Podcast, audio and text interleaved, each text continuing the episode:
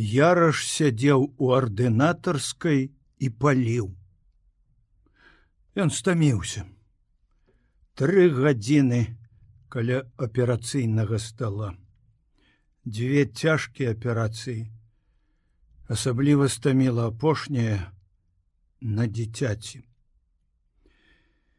Аперацыі на дзецях заўсёды стамлялі яго. Колькі год практыкі, слава лепшага хірурга вобласці, а хваляваўся ён сёння як студэнт. Попел ад папяросы упаў на халат. І адразу ж спрытная рука нечутна подставила попельніцу. Яраш падняў галаву і з удзячнасцю зірнуў на аперацыйную сястру. Ён ведаў, што гэтая дзяўчына ўлюбёна ў яго. І ён таксама любіў яе. Маша, нягледзячы на сваю маладосць была лепшай аперацыйнай сястрой з усіх, з якімі яму даводзілася калі-небудзь працаваць. Яна разумела не толькі кожнае яго слова, але кожны рух жест. Варухнулася яго левае брыво, яна ведала, які інструмент трэба падаць. Збегліся зморшчынкі на пераносіцы, і Маша папраўляла, ассистента. Она умела так промакнуть пот на яго лбе і вісках, што ні на секунду, ні на міг не адрывала ад хворага, не перашкаджала аперацыі. Яна все умела і ўсё ведала. Залатая сестра, сказаў неяк яраш. Лекары прынялі гэта як жарт. Маша была рыжая і не просто рыжая, а ўся агніста чырвоная.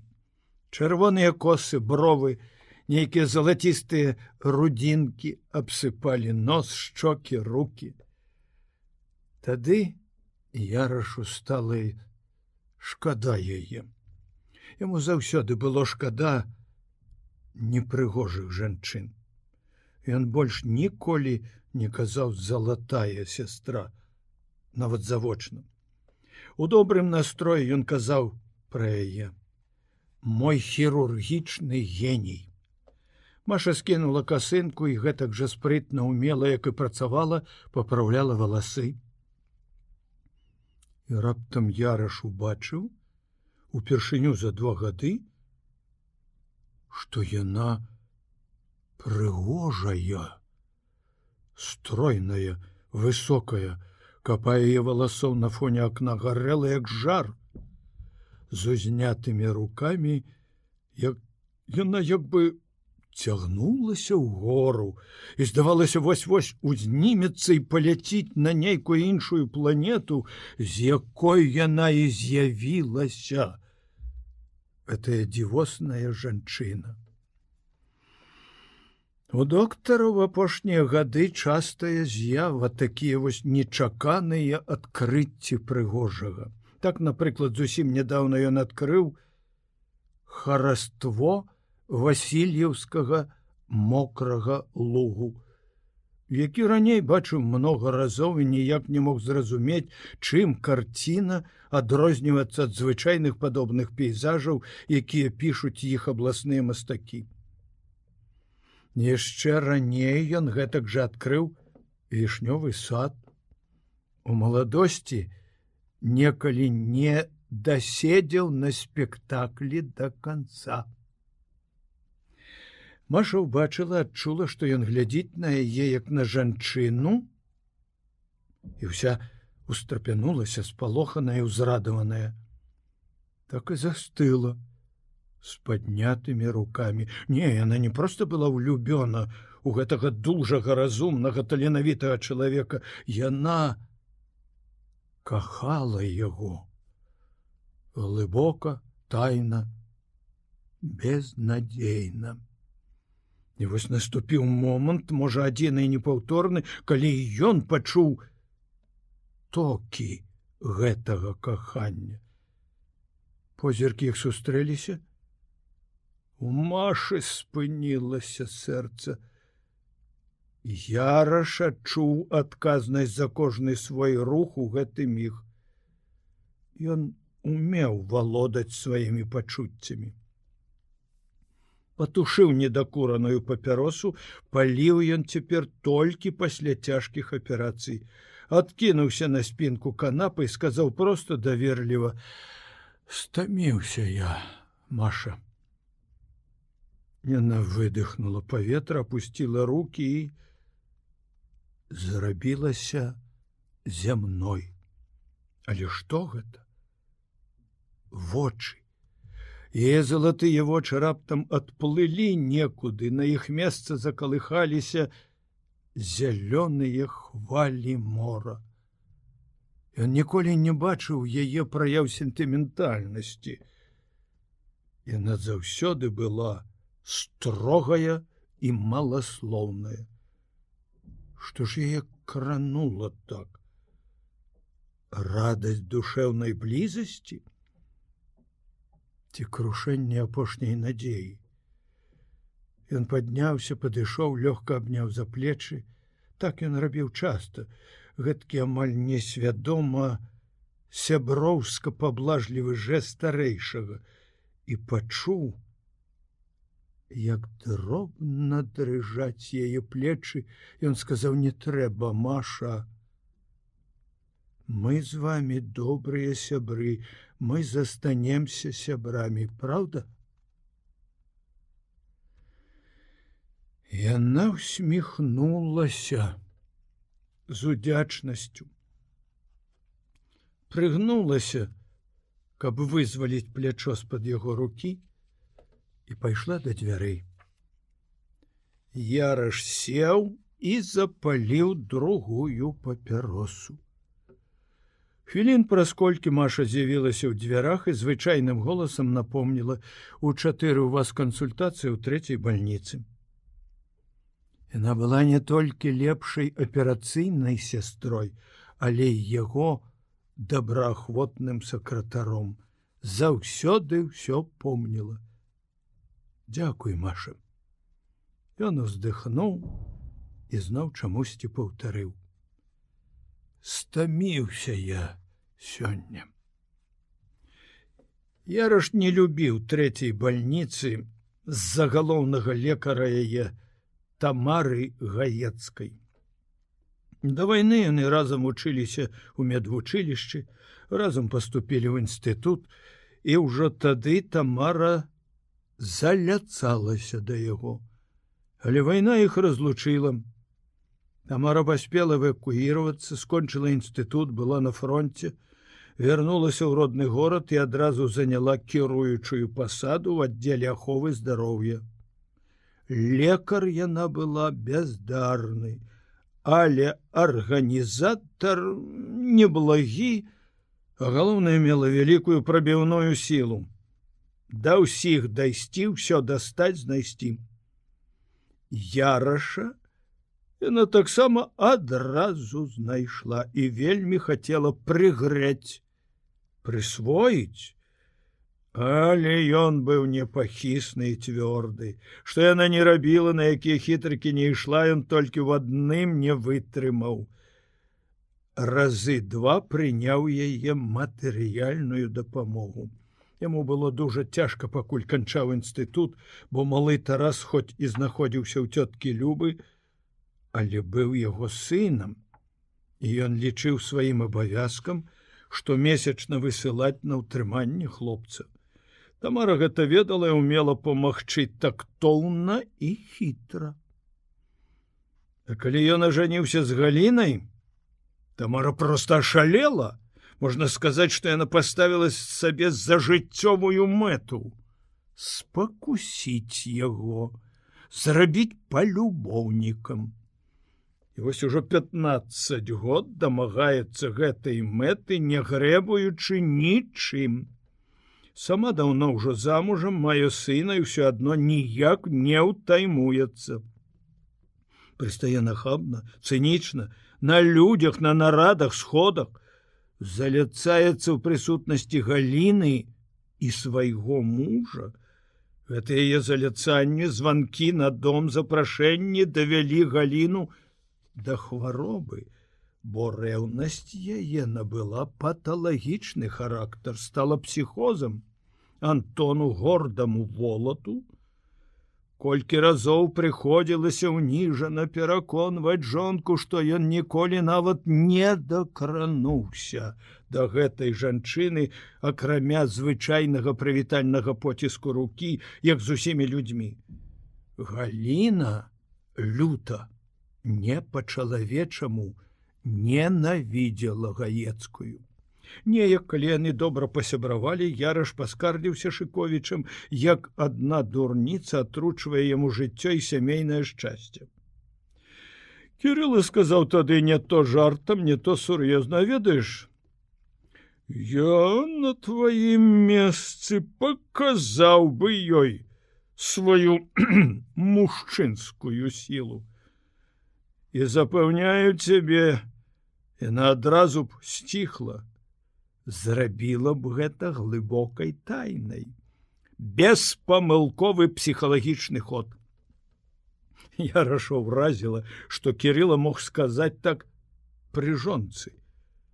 Что было б каб ён сказаў гэта пры галіне?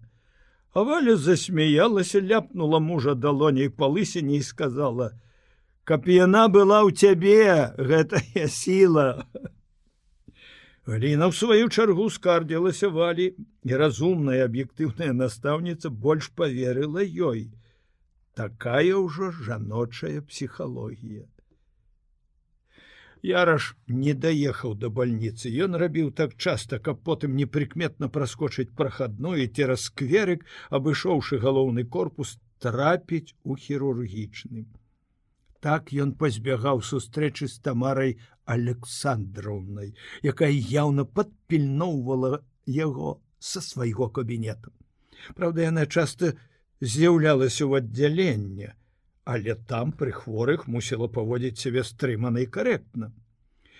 Ярашу былі агідныя уласныя маневры Ён даўно адмовіўся б ад кансультацыі ў гэтай бальніцы, але аддзяленнем тут загадваў здольны малады хірург Майзіс, Яраш любіў гэтага хлопца і не мог адмовіць яму ў дапамозе. Увогуле ён стараўся зрабіць усё, каб яго малодшыя калегі як мага менш рабілі памылак.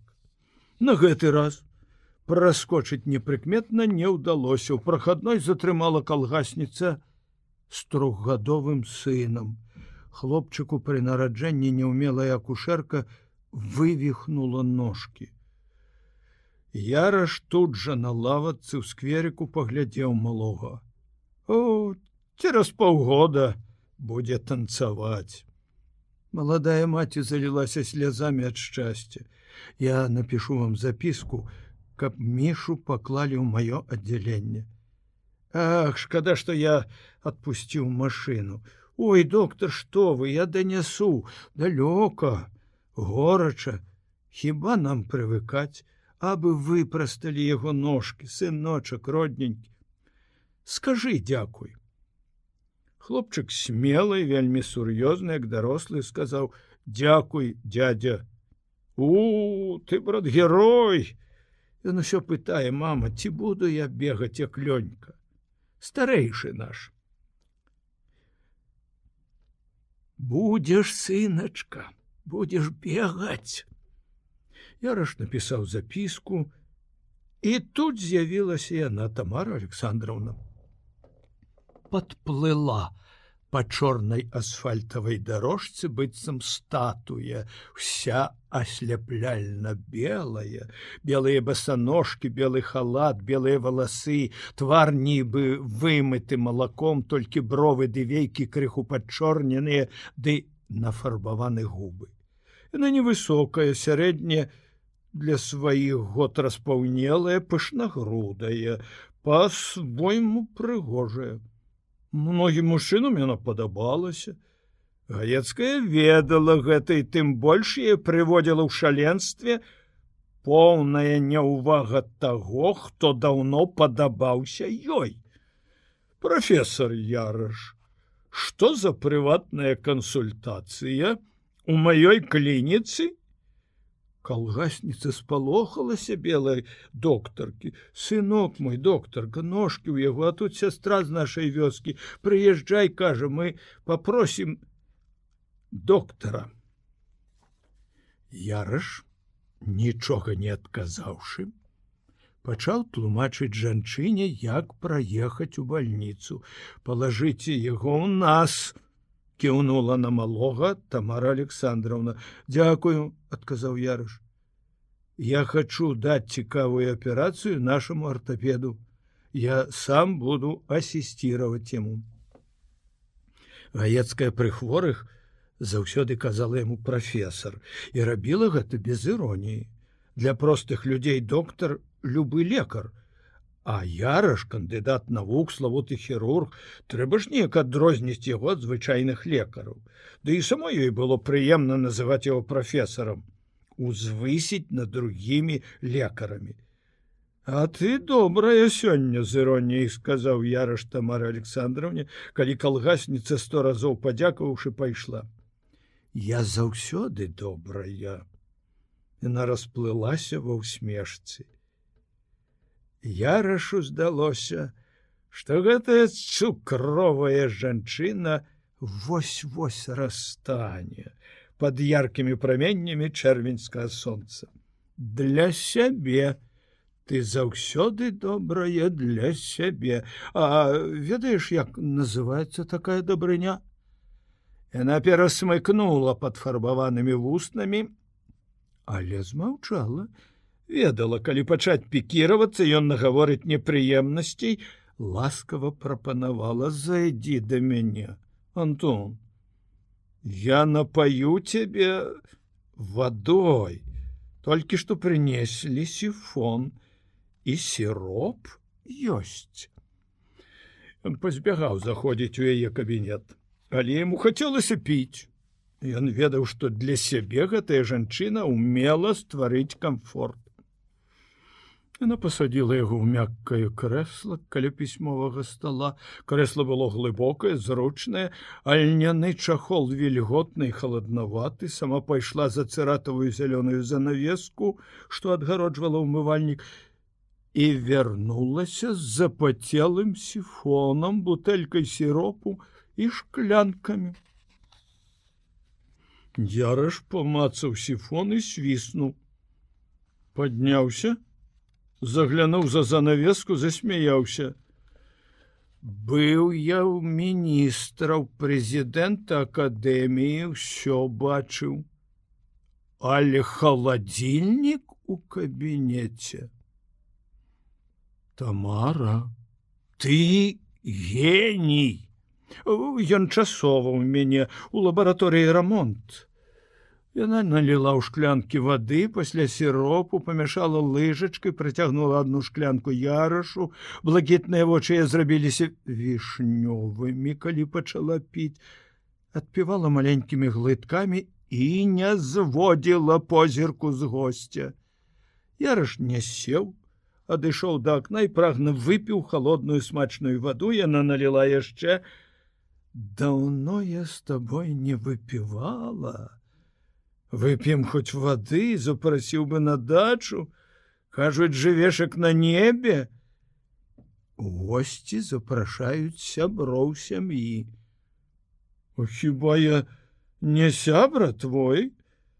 Лепшага ў цябе няма непрыкметна яна апынулася зусім блізка ад яго не притварайся тамара. Мы не маленькія ты добра ведаеш як цябе любіць Галіна, А мне спакой жонкі даражэй за ўсё. Яна робіцца мяшчанкай твоя галіна. Дзіўна мяняўся колер яе вачэй, у залежнасці ад настрою, як у кошки, у той міг яны сыпанулі нейкія шэрыя іскры. Чорт яго ведае, цяжка сказаць, у чым яно, праяўляецца ў наш час мяшчанства. Яна падплыла так блізка, што яраш здавалася адчуў гарачыню яе паружавелага твару і убачыў, што вочы яе сталі масляністыя. Ён адступіў у кут паміж сталом і сцяной, Яна горача дыхала яму ў твар чаму ты пазбягаеш мяне? Я люблю цябе. Я гэта чу тамара много разоў. Пусці люблю і жадаю. Пацалуй мяне один раз. Шкада табе жанчына траціла всякую прыстойнасць ніколі яшчэ пры ўсёй сваёй нахабнасці ёй не ўдавалася паставіць яраша у такое недарэчнае становішча. Загнаны ў кут прыціснуты да сцяны ён не ведаў што рабіць як вызваліцца піхнуць яе паслаць да д'ябла і раптам дзве дэталі кінуліся ў вочы занавескі, што закрывалі толькі ніжнюю палавіну акна і тое, што яна, мабыць, забыўшыся, все яшчэ трымае шклянку з вадой у руцэ. Ярыш нечакана падхапіў яе пад пахі, рыўком падняў высока ў горы і паставіў на пісьмовы стол. Няхай хто-небудзь з персаналу убачыць праз акно свайго галоўнага лекара на стале са шклянкай, напоўненай невядомай вішнёвай вадкасцю. Тамара Александровна ўсяго чакала ад гэтага чалавека, абразлівых слоў, пагрозы, нават штуршка, але такога ўчынку не чакала, разгубілася на нейкім іх белой статуей застыла на столе. Яраш паспеў адысці да дзвярэй узяць капелюш. Нарэшце она соскочыла на подлогу гопнула аж забрынчалі шыбы засмяялася а ты робіся жертаўніком прогресс! Твар яе гарэў. Але ўсё адно яна пайшла следам за ім У калідоры ён пачуў ззаду стук яе абцасаў і ўзлаваўся. Разбэшчаная баба! Як можна такому чалавеку даручыць кіраваць бальніцай? Ён не выйшаў адразу на двор знарок пайшоў у тэрапеўтычнае аддзяленне. У доўгім паўцёмным калідоры на ложках ляжалі хворыя.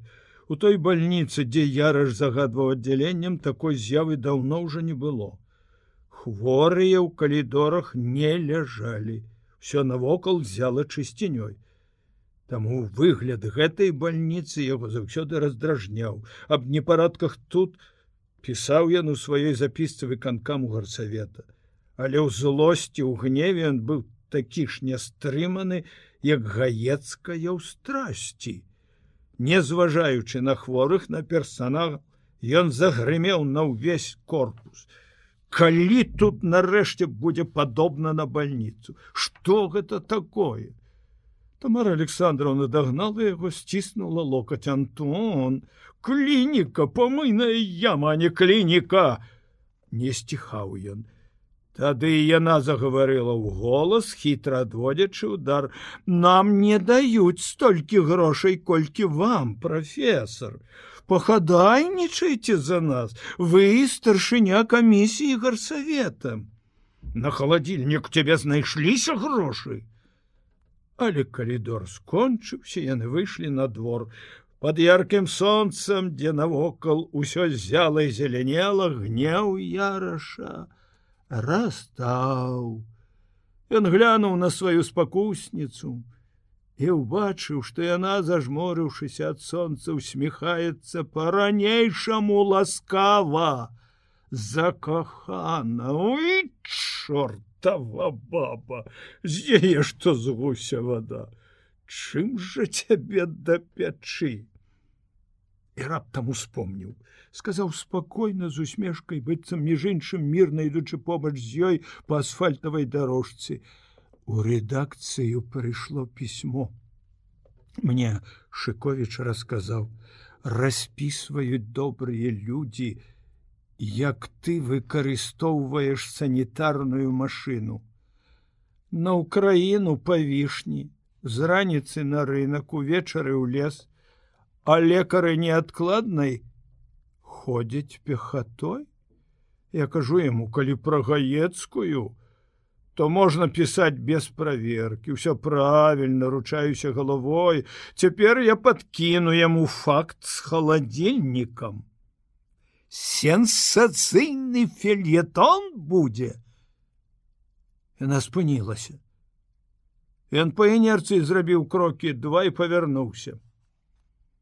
Яна застыла ў дзіўна нязграбнай позе нахіліўшыся на бок, бо трапіла адной ногой у канаўку для сцёку вады, твар яе, што хвіліну назад палаў, пабялеў. Ноздры непрыгожа раздуліся. Я рашачу, што ў ім загучала вясёлая лёгкая музыка. Нарэшце ён знайшоў чым да пячы. Яна адказала пагрозліва, холодна. Ніколі яшчэ не гаварыла з ім такім тонам. З'явіцца фельетон. Я табе да смерти не дарую. І не развітаўшыся, павярнулася і пайшла назад. Я рашу раптам захацелася гарэзліва пахлапечы свіснуць ёй услед. Майзіс маленькі кучаравы ў вялікіх чорных акулярах, сустрэўшы яго на ганку аддзялення, сказаў: « У вас сёння калега добры настрой. А хіба вы бачылі калі-небудзь мяне ў дрэнным настроі? Не, але часам чалавек бывае залішне задумлівы. Ён уважлівы ў працы, але не бачыць хараства вакол сябе. Яраш засмяяўся. Мазіс, ведаеце што? А прыязджайце да мяне на дачу. Я пакажу вам такое хараство, якога вы гараджанін зроду не бачылі.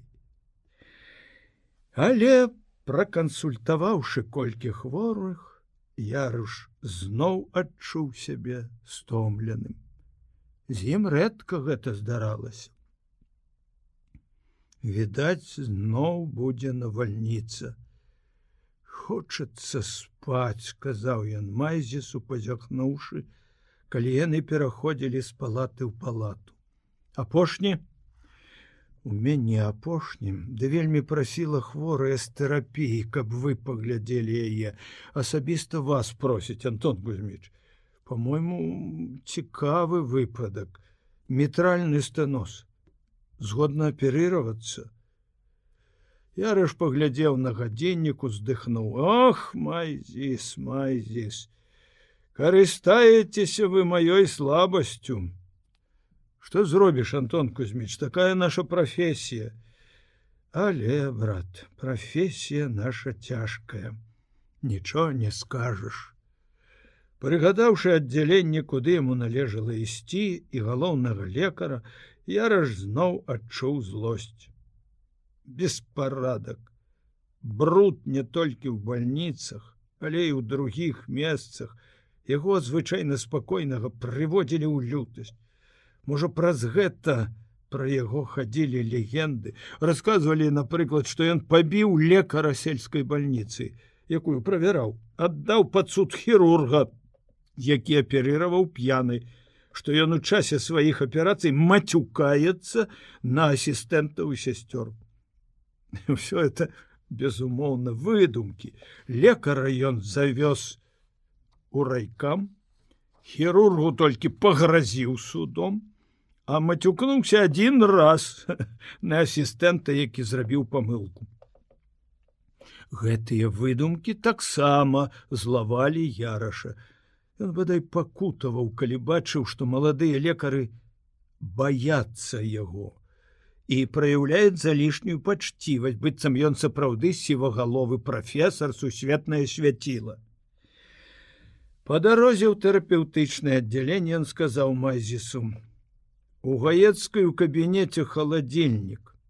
А шторы бачыце якія? Побач з такім аддзяленнем. Майзіс падняў галаву, з яго акуляраў выскачылі асляпляльныя зайчыкі. Усмешка варухнула тоўстыя вусны. У нас яе завуць царыца Тамара бо вы беззубыя тут як малюскі прапясочылі б гэтую царыцу на партыйным сходзе Для гэтага патрэбна прынцыповасць доктара Яраша. Не падхалімнічайце, Майзіс. Маладзенькая лекарка, якая вяла хворую, сустрэла іх у калідоры і адразу разгубілася, пачырванела, пачала заікацца, называла Яраша прафесарам. Ён не ўзлаваўся на гэтае дзяўчо, але баючыся, што ўсё разам яе пачцівасць выгляд аддзялення ўспамін пра тамару можа даць недзе гнеўную ўспышку. Яраш нахмурыўся, апусціў галаву, выключыў увагу, ён умеў гэта рабіць каб менш бачыць і чуць. Яны ўвайшлі ў палату, дзе стаяла штук сем ложкаў, паміж імі было цесна праходзіць. Як не хацеў ярышся адно ўбачыў усё адразу. Ложкі сцены пацямнелыя ад старасці залатаныя навалачкі просціны ручнікі абшарпаныя тумбачкі хворых, хто як глядзіць на яго? З цікавасцю абыякаваць ці хоча попрасіць доктор паглядзіце мяне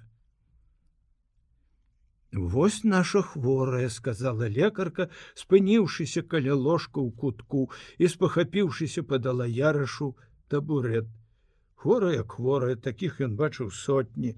Маленькая жанчына такая худая што здавалася под коўдрай пустота на подушцы спакутаваны твар з яркімі прыкметамі яе хваробы. Крыху збляклая ўжо сінюшнасць губ крылля носа. А шчокі заружавелі хвалюецца і вочы якія вочы як яны глядзяць? Чаго толькі не бачыў за сваё жыццё і лекарскую практыку яраш, але такія вось вочы его заўсёды выводзілі з раўнавагі. Яны прасілі, малілі, выказвалі надзею, страх, всю бясконцую гаму пачуццяў чалавека, які прагне жыць. Сядаючы на табурет ён падумаў, што ў большасці такіх цяжкахворых жанчын прыгожыя валасы ад кантраснасці відаць. У гэтай вунь таксама, якія цудоўныя, светла-залацістая пышная карона. Каб не сустракацца позіркам з хворай, яраш разглядаў свае вялікія адбеленыя спіртамі і эфірамі пальцы і слухаў даклад лекара. У яго ўжо выпрацавалася прафесійная звычка чуць і фіксаваць у памяці толькі тое, што патрэбна яму як кансультанту. Всё іншае, у тым ліку прозвішча імя ён выясняў пасля, калі сам пачынаў аглядаць хворага. Але паведамленне лекара аб тым, што хворая перанесла першую атаку рэўматызму ў нямецкім лагеры, зварухнула яго. Ён глянуў на гэтую маленькую жанчыну з цікавасцю і жалем сустрэў яе вочы, поўнае дзівоснага агню і малення падумаў. Вось яна, вайна, збудаваны гарады, а сэрцы людзей, сэрцы ранены. Ён падумаў пра сэрцы не наогул, не, як лекар уявіў канкрэтнае маленькае сэрца, в якім развіўся парог.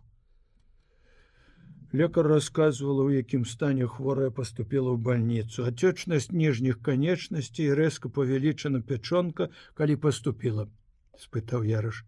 Два тыдні назад лекар збянтэжылася, забылася, на чым яе перапынілі, говорите, говорите. І зноў збоку здавалася, што кансультанта цікавіць толькі ўласныя руки. Быў праведзены курс лячэння, і раптам аднатонны даклад перасыпаны лацінскімі словамі ўварваўся шэпт кузьма Яраш нават спачатку не звярнуў увагі. Антон Кузьміч гучна паправіў Майзіс, які стаяў за спіной яраша. Тады яраш рэзка падняў галаву, паглядзеў на хворую. Яна усміхнулася вінавата і зноў нясмела прашаптала ўжо другое імя: Віктор. Яраш адчуў, што праз руки яго быццам прапусцілі электрычны ток. Закалола ў кончыкі пальцаў, ён пачуў свае падпольныя клічкі. У яго былі надзвычай чуткія пальцы, паталагічна чуткія. Нават уласныя эмоцыі, Ён перш за ўсё адчуваў пальцамі. Вось так заколя, значыцца злость, радость, здзіўленне. Ён пазнаў гэтую жанчыну. Але не верыў вачам. Хіба воскрасаюць мёртвыя, колькі прайшло год, Ці яна была дагэтуль. Ён павольна падняўся з табурэта. Лекар са страхам глядзела на сваю пацыентку. Што тая трызніць? Майзіс лёгка свіснуў. Ён быў романтык. Любіў прыгодніцкія кнігі, фільмы, нечаканыя сустрэчы людзей. Хворая супакоіла свайго лекара простым і ясным запытаннем: Не пазнаеце, Антон Кузьміч. Я рашумеў стрымліваць свае пачуцці ў любых абставінах, але тут не стрымаўся. Сося, але ён ён прашаптаў так, што лекар уздрыгнула, прыўзняліся на локцях хворыя. А, а Майзіс у захапленні пацёр руки. Зося! Паўтарыў ён гучней, і высокі мажны схіліўся над ложкам, як бы хочучы загарадзіць яе ад чужых вачэй, ад хвароб, ад усіх навал. Узяў тонкія схудалыя руки ў свае мяккія шырокія далоні асцярожна сціснуў.